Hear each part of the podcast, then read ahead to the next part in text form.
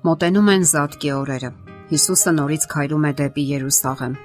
Այնտեղ նա պետք է զոհաբերի իրեն։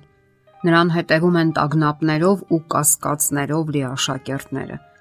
Հիսուսը նրանցից առաջ է ընկել, իսկ աշակերտները սարսափի մեջ են եւ աշխատում են շատ չմոտենալ նրան։ Իսկ Քրիստոսը շրջվում է դեպի նրանց եւ դարձյալ իր մոտ կանչելով ասում, որ շուտով իրեն տարապանքների ու մահվան կդատապարտեն։ Աշակերտները սակայն չեն հասկանում նրա խոսքերի իմաստը։ Նրանց համար դեռևս բացված չէին իրենց տիրոջ խոսքերի ողջ իմաստն ու խորությունը։ Աստվածաշնչում կարդում ենք.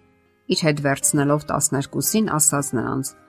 Ահա ելնում են Երուսաղեմ, եւ մարգարեների միջոցով մարդու որդու մասին բոլոր գրվածները պետք է կատարվեն, որովհետև պետք է մատնավի հեթանոսներին, պետք է ծաղրվի, նախատվի եւ նրա վրա պիտի թքեն։ Ծաղկելով պիտի սپانեն նրան եւ երրորդ օրը պիտի հարություն առնի։ Նրանք այս բաներից ոչինչ չհասկացան եւ այս խոսքը նրանցից ծածկված էր ու ասածները չէին հասկանում։ Տարօրինակ է, որ աշակերտները չհասկացան իրենց ծիրոջ խոսքերն այն ժամանակ, երբ իրենք էլ էին քարոզել երկնային արխայության մասին։ Նրանք տեղյակ էին 5 կտակարանյան մարգարեություններին, որ ավետում էին Օցիալի արխայության փառքը, եւ այնուամենայնիվ նրանք թյուրամբռնումների մեջ էին, թեև թողել էին իրենց բոլոր գործերը եւ հետևում էին նրան, հավատալով, որ շուտով հաստատվելու է մի նոր թակավորություն։ Հովանեսը եւ Հակոբոսը նրանց թվում էին, ովքեր առաջինն էին թողել ամեն ինչ եւ ծառայում էին նրան։ Ցանկացած հնարավորության դեպքում Հովանեսն անմիջապես հայտնվում էր Հիսուսի կողքին։ Հակոբոսը նույնպես ցանկանում էր լինել Հիսուսի կողքին եւ օգտվել առավելություններից։ Նրանց մայրը նույնպես Հիսուսի հետևորդներից էր։ Մայրական սերն ու հպարտությունը նրա սրտում փափագ էին առաջացրել տեսնել իր ворթիներին նոր թակավորության պատվավոր տեղերում եւ նա խորհուրդ տվեց նրանց դիմել Հիսուսին այդ խնդրանքով։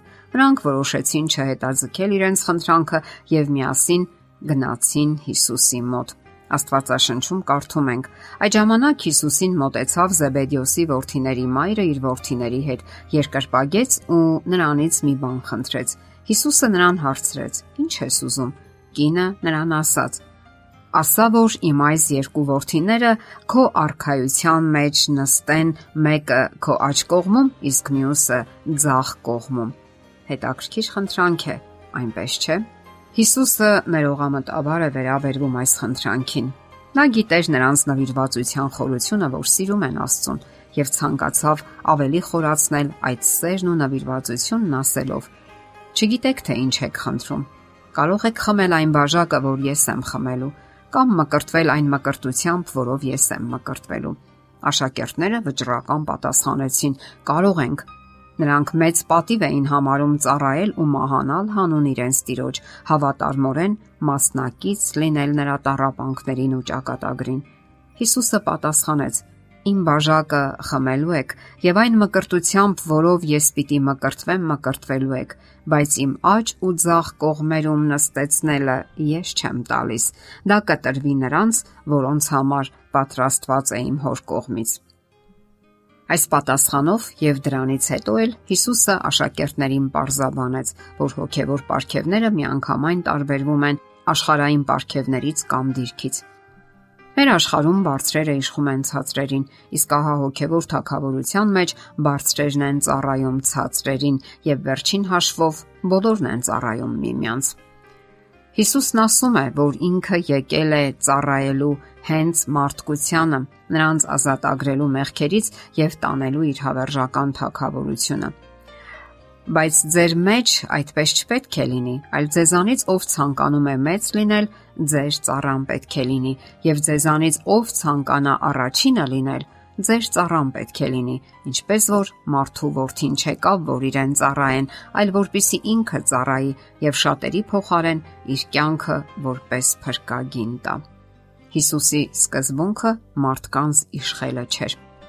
Այս սկզբունքն է գործում նոր թակավորության հոգևոր աշխարհում Խղճի հարցերում մարդը պետք է ազատ լինի։ Ոչ ոք չի կարող պարտադրել մեկ ուրիշին, որ հնազանդվի իրեն ու անի այն, ինչ ինքն է ճիշտ համարում։ Մարդն ազատ էակ է եւ ոչ մեկը չի կարող բռնանալ մեկ ուրիշի մտքի ու տրամաբանության վրա։ Աստված ամեն մեկին տվել է իր համոզմունքներին հետևելու ազատություն։ Պողոս Առաքյալը Հռոմի եկեղեցուն ուղված իր ուղերձում գրում է. Ամեն մեկը թող իր մտքի համոզմամբ վարվի եւ ապա շարունակում է իր միտքը։ Ուրեմն մեզանից ամեն մեկը իր համար Աստծուն հաշիվ պիտի տա։ Աստծո նոր թակավորության մեջ չի լինելու հարկադրանք կամ բռնություն յուրաքանչյուրը գործելու է խաղաղության ու սիրո կանոններով, ինչը մենք սովորում ենք արդեն այստեղ։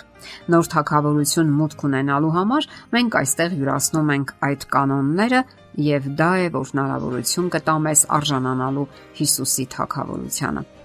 Սերը Աստծո նոր թակավորության բարձրագույն օրենքն է։ Հովանես Առաքյալը հիշում էր Հիսուսի խոսքերը, երբ գրում էր. որովհետև սա է պատվիրանը, որ սկզբից լսեցիք, որ միմյանց սիրենք, Իսկ ինչ է նշանակում սեր եւ ինչպես դրսեւորել այն, parzabանում է մեկ այլ համարում։ Սերը նրանով ճանաչեցինք, որ Հիսուսն իր կյանքը տվեց մեզ համար եւ մենք էլ պարտավոր ենք մեր կյանքը տալ մեր եղբայրների համար։ Եթերում է ղողանջ հավերժության հաղորդաշարը։ Հարցերի եւ առաջարկությունների համար զանգահարել 033 87 87 87 հեռախոսահամարով։